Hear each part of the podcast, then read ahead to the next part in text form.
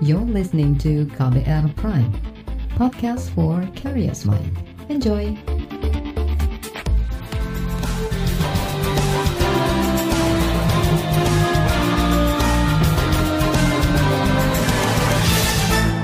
Halo, selamat sore saudara. Senang sekali saya Reski Mesanto kembali hadir di KBR sore hari ini, edisi Jumat 26 November 2021. Seperti biasa, selama kurang lebih 30 menit ke depan, saya siap untuk menjadi teman Anda beraktivitas dan sore ini saya mau ajak Anda untuk membahas polemik penafsiran putusan Mahkamah Konstitusi atau MK mengenai Undang-Undang Cipta Kerja.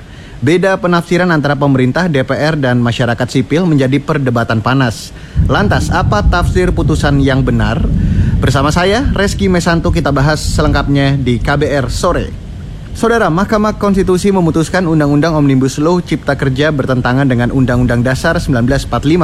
Keputusan itu disampaikan Ketua Mahkamah Konstitusi Anwar Usman saat membacakan putusan sidang uji formil terhadap Undang-Undang Cipta Kerja kemarin. Meski begitu, MK tidak membatalkan undang-undang itu, MK hanya meminta pemerintah memperbaiki undang-undang dalam kurun 2 tahun tanpa boleh membuat aturan turunan baru. Putusan ini langsung mendapat tanggapan dari pemerintah. Menteri Koordinator Bidang Perekonomian Erlangga Tarto mengatakan, pemerintah akan mengikuti putusan MK dengan memperbaiki undang-undang itu. Namun pemerintah tetap akan menjalankan peraturan turunan yang sudah berlaku sejak undang-undang dikeluarkan. Nah, pertama setelah mengikuti sidang MK, dan pemerintah menghormati dan mematuhi putusan daripada MK serta akan melaksanakan Undang-Undang Nomor 11 Tahun 2020 tentang Cipta Kerja dengan sebaik-baiknya sesuai dengan putusan MK yang dimaksud. Yang kedua, putusan MK telah menyatakan bahwa Undang-Undang Cipta Kerja masih tetap berlaku secara konstitusional sampai dengan dilakukan perbaikan pembentukannya sesuai dengan tenggang waktu yang ditetapkan oleh MK, yaitu harus dilakukan perbaikan paling lama dua tahun sejak putusan dibacakan. Yang ketiga, putusan MK juga menyatakan agar pemerintah tidak menerbitkan peraturan baru yang bersifat strategis sampai dengan dilakukan perbaikan atas pembentukan Undang-Undang Cipta Kerja dengan demikian, peraturan perundangan yang telah diberlakukan untuk melaksanakan Undang-Undang Cipta Kerja tetap berlaku. Selanjutnya, pemerintah akan segera menindaklanjuti putusan MK yang dimaksud melalui penyiapan perbaikan undang-undang dan melaksanakan dengan sebaik-baiknya arahan Mahkamah Konstitusi lainnya sebagaimana dimaksud dalam putusan MK tersebut. Sikap serupa juga diamini DPR. Anggota Badan Legislasi DPR, Firman Subagio menafsirkan amar putusan MK nomor 7 tidak menyebutkan adanya penghentian peraturan yang sudah berjalan. Menurutnya pemerintah hanya dilarang untuk membuat aturan baru yang bersifat strategis dan berdampak luas. Kalau pemahaman kami yang ada di dalam keputusan, salah satu amar keputusannya adalah agar pemerintah tidak menerbitkan peraturan baru yang bersifat strategis sampai dengan dilakukan perbaikan atas Undang-Undang CK dan demikian Undang-Undang CK tetap berlaku. Artinya bahwa Undang-Undang CK itu berlaku dan tidak boleh menerbitkan aturan baru. Kalau aturan itu sudah dibuat, maka dengan sendirinya berlaku dengan sendirinya. Tetapi yang belum dikeluarkan, maka itu tidak boleh lagi. Itu tafsirnya. Sependengaran saya, saya mengikuti dengan cermat karena saya juga punya kewajiban keputusan-keputusan itu bunyinya seperti itu. Jadi tidak boleh menerbitkan lagi peraturan-peraturan turunan baru. Kira-kira seperti itu. Sehingga itulah yang menjadi dasar pemerintah akan dilakukan secara konsisten. Maka dari itu, karena pemerintah sudah menyikapi dan pemerintah dengan tegas akan melakukan segala keputusan dan melaksanakan amar keputusan itu, maka kami menunggu menunggu daripada apakah nanti itu akan menjadi inisiatif daripada pemerintah apakah inisiatif dari DPR karena ini kumulatif juga tadi Berbeda dengan pemerintah dan DPR, para buruh menganggap putusan nomor 7 berisi penghentian semua kebijakan dari peraturan turunan Undang-Undang Cipta Kerja yang telah berlaku, termasuk aturan turunan untuk penghitungan kenaikan upah. Presiden Federasi Serikat Pekerja Metal Indonesia atau FSPMI Riden Hatam mengatakan, berdasarkan putusan MK itu, pemerintah seharusnya menghentikan kebijakan turunan yang menginduk pada Undang-Undang Cipta Kerja. Yang dimaksud dengan strategis dalam hal ini bahwa bagi kami kaum pekerja, kaum buruh, upah itu adalah hal yang sangat strategis. Nah, merespon konferensi persnya Pak Ekonomi Pak Erlangga menyatakan undang-undang ini berlaku beserta turunannya. Beliau tidak membacakan putusan nomor 7 di mana di situ tentang strategi. Kami berpendapat bahwa upah adalah kebijakan sangat-sangat strategis. Kenapa strategis? Faktanya harus menggunakan SK gubernur. Artinya pemerintah hadir di situ. Dan upah itu adalah untuk berlaku semuanya. Semua semua orang bekerja itu mendapatkan upah. Pemahaman atau tafsiran yang mengatakan undang-undang ini semua tetap berlaku, menurut kami para uh, pekerja berdasarkan putusan MK nomor 7, maka itu harus ditangguhkan. Dengan kata lain, saya mengatakan PP 36 ya terkait dengan upah, kemudian PP 37, PP 35 itu ditangguhkan semua. Saudara, itu tadi Presiden Federasi Serikat Pekerja Metal Indonesia atau FSPMI, Riden Hatam. Baiklah saudara kita break sejenak dan setelah break akan saya hadirkan laporan khas KBR mengenai kilas balik Omnibus Law Cipta Kerja. Tetaplah di KBR sore. You're listening to KBR Pride, podcast for curious mind. Enjoy.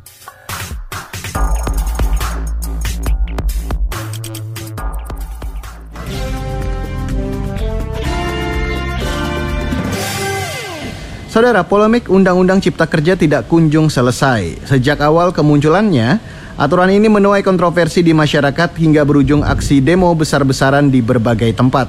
Korban berjatuhan, namun pemerintah dan DPR ngotot mengesahkan aturan yang diklaim bakal mempermudah investasi dan membuka banyak lapangan pekerjaan. Berikut sejumlah kontroversi dan penolakan terhadap Undang-Undang Cipta Kerja. Kami rangkum di laporan khas KBR yang disusun Sindu Darmawan. Itu tadi suasana aksi demo tolak Omnibus Law Cipta Kerja di Yogyakarta 8 Oktober tahun lalu. Dalam video terlihat polisi berseragam lengkap dan bertameng memukuli seorang pedemo yang ditangkap. Amnesty International Indonesia mendokumentasikan lebih dari 400 korban kekerasan polisi di 15 provinsi saat aksi menolak Omnibus Law Cipta Kerja selama periode Oktober hingga November. Selain itu ada lebih dari 6.600 orang ditangkap di 21 provinsi. 300-an dari mereka ditahan dalam jangka waktu berbeda termasuk 18 jurnalis yang telah dibebaskan. Catatan Amnesty juga menemukan ada 18 orang di tujuh provinsi yang ditetapkan sebagai tersangka karena dituduh melanggar Undang-Undang Informasi dan Transaksi Elektronik UU ITE. Aksi protes di sejumlah daerah itu dilakukan karena mereka menilai rancangan Undang-Undang Cipta Kerja karena berdampak negatif pada hak azazi manusia. Direktur Eksekutif Amnesty International Indonesia, Usman Hamid. Nah, ada banyak sekali sebenarnya video yang kami terima dan juga menunjukkan kesaksian uh, terhadap kekerasan polisi yang yang saat itu terjadi di, di dalam demonstrasi menentang undang-undang omnibus. Dan ini insiden yang mengingatkan kita pada brutalitas aparat keamanan terhadap para mahasiswa di tahun 98, 99 uh, di masa-masa akhir rezim uh, otoriter Soeharto. Amnesty International Indonesia mendesak pihak berwenang segera menyelidiki kasus penggunaan kekerasan yang tidak sah oleh polisi saat aksi demo yang mandiri, netral, dan efektif namun saat itu polisi berdalih para pendemo berlaku anarkis dan ada pihak yang memprovokasi untuk berbuat rusuh. Hal ini disampaikan juru bicara Polda Metro Jaya waktu itu, Argo Yuwono. Ya tentunya kegiatan unjuk rasa tanggal 5, 6, 7, 8, dan 9 Oktober sudah kami sampaikan ya baik oleh Mabes Polri maupun Metro Jaya. Memang di tanggal 8 ini ada kegiatan yang demo yang anarkis. Sebenarnya sudah saya jelaskan juga yang mengakibatkan apa ada anggota yang luka sudah saya sampaikan fotonya ini juga ada fasilitas Polri juga yang rusak Polisi mengimbau kepada para pengunjuk rasa untuk mengikuti aturan dan tidak berbuat tindak pidana serta mewaspadai provokator.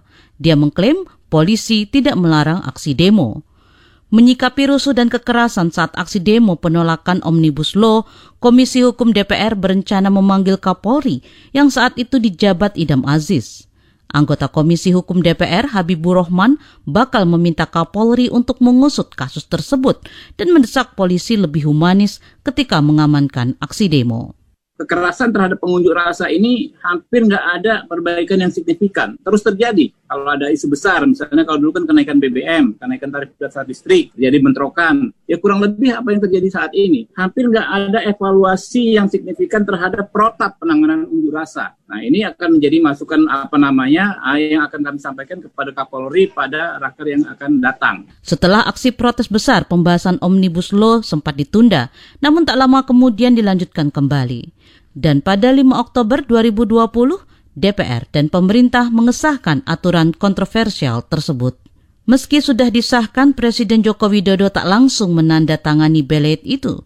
Sejumlah kalangan menilai Presiden bimbang karena aturan yang akan diteken ditentang rakyat. Namun meski tanpa tanda tangan Presiden, Omnibus Law akan tetap berlaku jika dalam 30 hari usai disahkan tak kunjung diteken. Pada awal November tahun lalu, Presiden Joko Widodo akhirnya mengesahkan Omnibus Law Undang-Undang Cipta Kerja.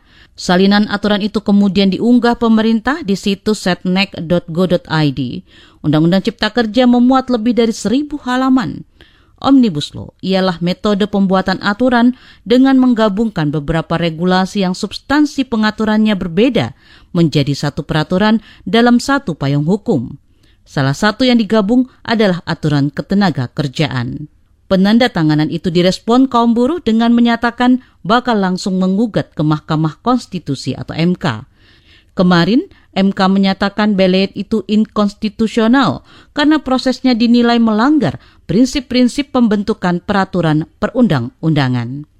Demikian laporan khas KBR, saya Fitri Anggreni. Saudara, Mahkamah Konstitusi menyatakan Undang-Undang Cipta Kerja tetap berlaku walau dianggap inkonstitusional. Keputusan ini tidak menyelesaikan masalah karena menimbulkan berbagai tafsir. Lantas bagaimana penjelasannya? Kita akan bahas selengkapnya di bagian selanjutnya. Tetaplah di KBR sore.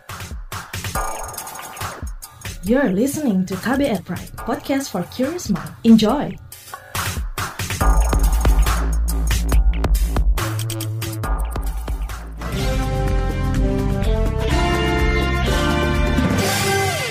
Terima kasih Anda masih bergabung di KBR Sore. Saudara, Mahkamah Konstitusi menyatakan Undang-Undang Cipta Kerja masih berlaku meski cacat formil karena bertentangan dengan Undang-Undang 1945. MK memerintahkan agar Undang-Undang Sapu Jagat itu diperbaiki dalam dua tahun. Bekas Hakim MK, Idewa Gede Palguna menilai, masih berlakunya Undang-Undang Cipta Kerja dimaksudkan agar tidak terjadi kekosongan hukum selama masa perbaikan. Dia belum bisa berkomentar banyak lantaran belum membaca keseluruhan isi putusan. Namun atas beragam tafsir yang muncul di publik, Palguna mengajak masyarakat membaca putusan ini secara menyeluruh. Dan untuk membahasnya, saya ajak Anda untuk langsung mendengarkan wawancara jurnalis KBR dengan ex-hakim MK, Idewa Gede Palguna. Uh, Pak Palguna berarti belum membaca keseluruhan uh, putusan ini Pak ya? Saya belum baca keseluruhan dan makanya saya katakan saya belum bisa berani berkomentar arahnya. Tapi kalau untuk yang lengkapnya nantilah gitu kan. Yang jelas prinsipnya itu begitu. MK tidak boleh memberikan keterangan di luar apa yang sudah diputuskan. Walaupun dengan maksud untuk memperjelas, nggak bisa dia nanti kan ada penafsiran lain lagi. Jadi oleh karena itu nggak ada audiensi-audiensi yang terhadap putusan di mana pun Anda cari seluruh dunia nggak ada itu. Makanya satu-satunya cara untuk memahami putusan itu adalah lewat putusan itu sendiri, yaitu apa? Di rasio desidendi atau pertimbangan hukum dari putusan itu. Pahami dulu putusannya semua, baca pertimbangan hukumnya, baru kemudian Anda tiba pada kesimpulannya, gitu. Pada kesimpulannya itu itulah yang ada di amar. Orang kita itu suka terbalik membacanya. Amarnya dulu dibaca, lalu penafsirannya di karang-karang. Kadang-kadang keluar dari pertimbangan hukumnya. Nggak boleh begitu dong. Kita satu kesatuan. Amar itu kan bagian terakhir dari pertimbangan hukum. Ujung dari pertimbangan hukum yang pada dasarnya menjelaskan kepada publik mengapa dia tiba pada amar putusan seperti itu. Ini kan uh, uji formil yang pertama kalau nggak salah apa ya dikabulkan sebagian ya. Ini kan cacat formil tapi di pasti waktu dua tahun untuk diperbaiki. Uh, sebenarnya kalau dari sudut pandang Pak Walguna, ini apakah mungkin bisa terjadi sih Pak? Artinya sudah cacat formil tapi masih berlaku dalam dua tahun selama masa perbaikan. Kenapa tidak mungkin?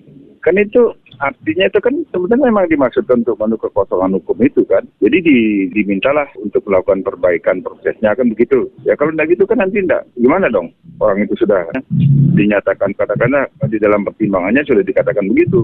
Ya memang harus diperbaiki dua tahun. Kalau soal waktu dua tahunnya itu yang dimaksud itu ini kan bukan pertama kali Mahkamah Konstitusi membuat putusan begitu. Waktu undang-undang tentang tipikor yang pertama juga memberikan waktu sekian untuk memperbaiki. Sementara itu, Saudara juru bicara Mahkamah Konstitusi Fajar Laksono mengatakan Undang-Undang Cipta Kerja masih berlaku karena Mahkamah mengakomodir aturan-aturan yang sudah dibuat sebelumnya. Sebab undang-undang ini sudah menjadi dasar aturan-aturan pelaksana di level teknis MK menegas bahwa meskipun tetap berlaku Undang-Undang Cipta Kerja ini, tetapi semua pihak pemerintah termasuk tidak boleh e, mengambil langkah-langkah atau kebijakan-kebijakan strategis yang berdampak luas mendasarkan pada Undang-Undang Cipta Kerja. Bahkan MK menegas nggak boleh lagi ada keluar penetapan aturan pelaksanaan dari Undang-Undang Cipta Kerja ini. Nah ini poin yang kemudian ya semua pihak harus bisa memahami. Ini harus dibaca putusan MK ini secara secara komprehensif. Juru bicara Mahkamah Konstitusi Fajar Laksono menambahkan, masyarakat bisa melakukan pengujian terhadap aturan turunan Undang-Undang Cipta Kerja. Tentu konsekuensi dari bahwa putusan MK ini diputuskan pada hari ini. Artinya, putusan MK itu kan secara normatif itu berlaku sejak selesai diucapkan. Nah, ini benang merahnya ada dengan di uh, pesan penting yang kedua tadi bahwa memang undang-undang ini tetap berlaku. Seluruh aturan-aturan pelaksanaan yang dikeluarkan, yang diterbitkan, yang ditetapkan sebelum putusan ini tentu menjadi berlaku. Tapi bahwa kemudian ada proses mekanisme judicial review terhadap peraturan perundang-undangan di bawah Undang-Undang Cipta Kerja, tentu itu kan juga terbuka. Tapi poin pentingnya adalah bahwa putusan ini dibacakan hari ini dan Mahkamah Konstitusi tetap menyatakan uh, Undang-Undang Cipta Kerja itu berlaku paling tidak sampai uh, paling lama tiga waktu dua tahun sambil diperbaiki. Saudara itu tadi juru bicara MK Fajar Laksono Saudara, beda tafsir antara pemerintah dan buruh atas putusan Mahkamah Konstitusi atau MK perihal uji formil Undang-Undang Cipta Kerja juga mendapat sorotan para pakar hukum. Salah satunya Bivitri Susanti. Ia menyebut putusan itu syarat akan kepentingan politik dan multitafsir. Lantas, apa saja kritik bagi MK dan pemerintah? Di bagian selanjutnya akan saya hadirkan wawancara jurnalis KBR Heru Hetami bersama pakar hukum tata negara Bivitri Susanti. Tetaplah bersama kami di KBR sore. You're listening to KBR Pride, podcast for curious mind. Enjoy.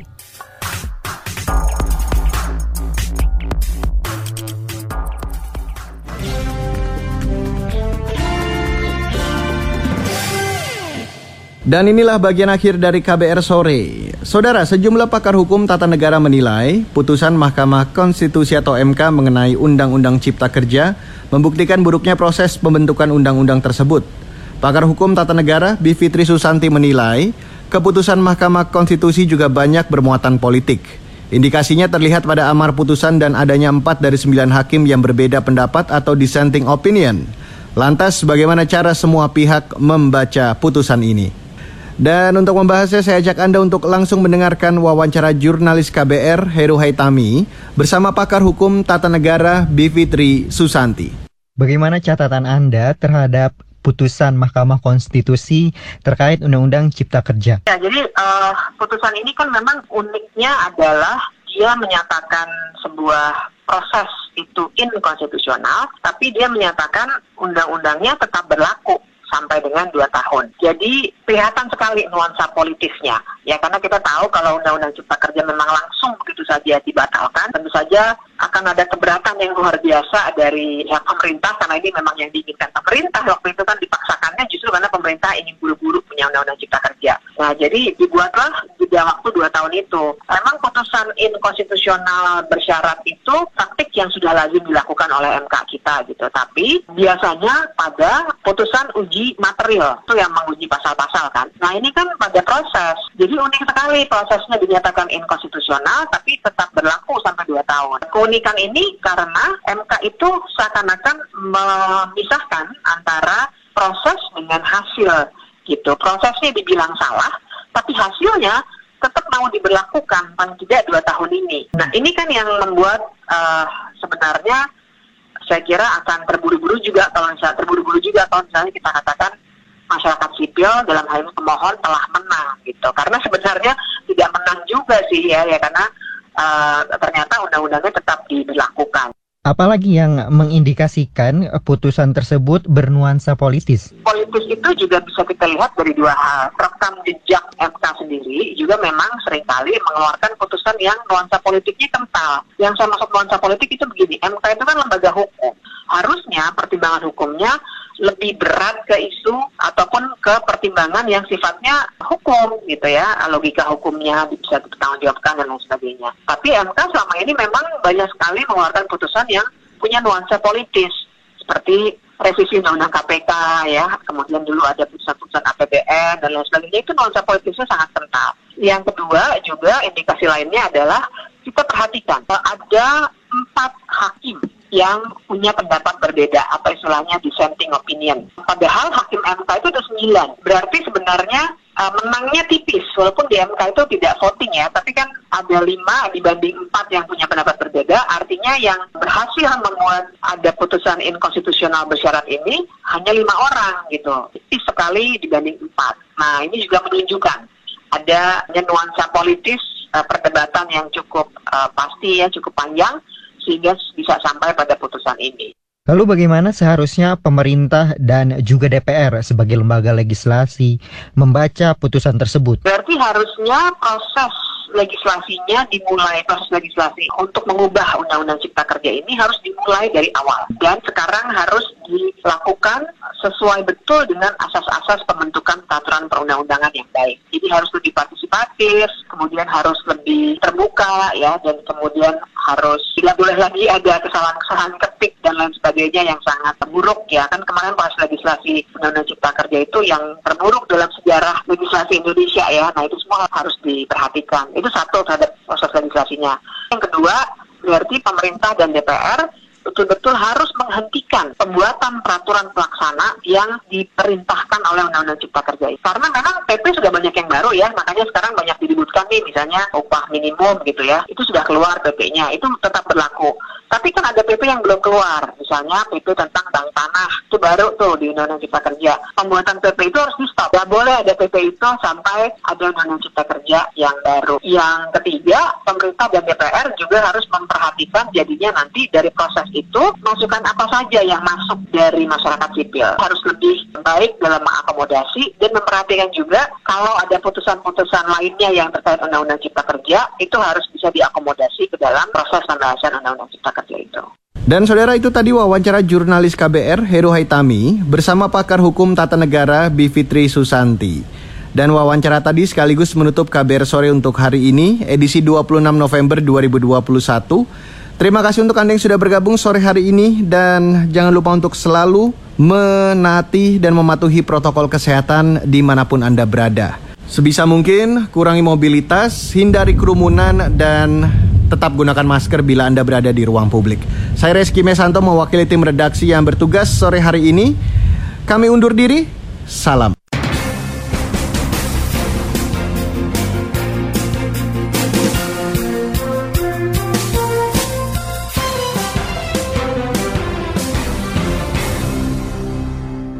Prime, cara asik mendengar berita. KBR Prime, podcast for curious mind.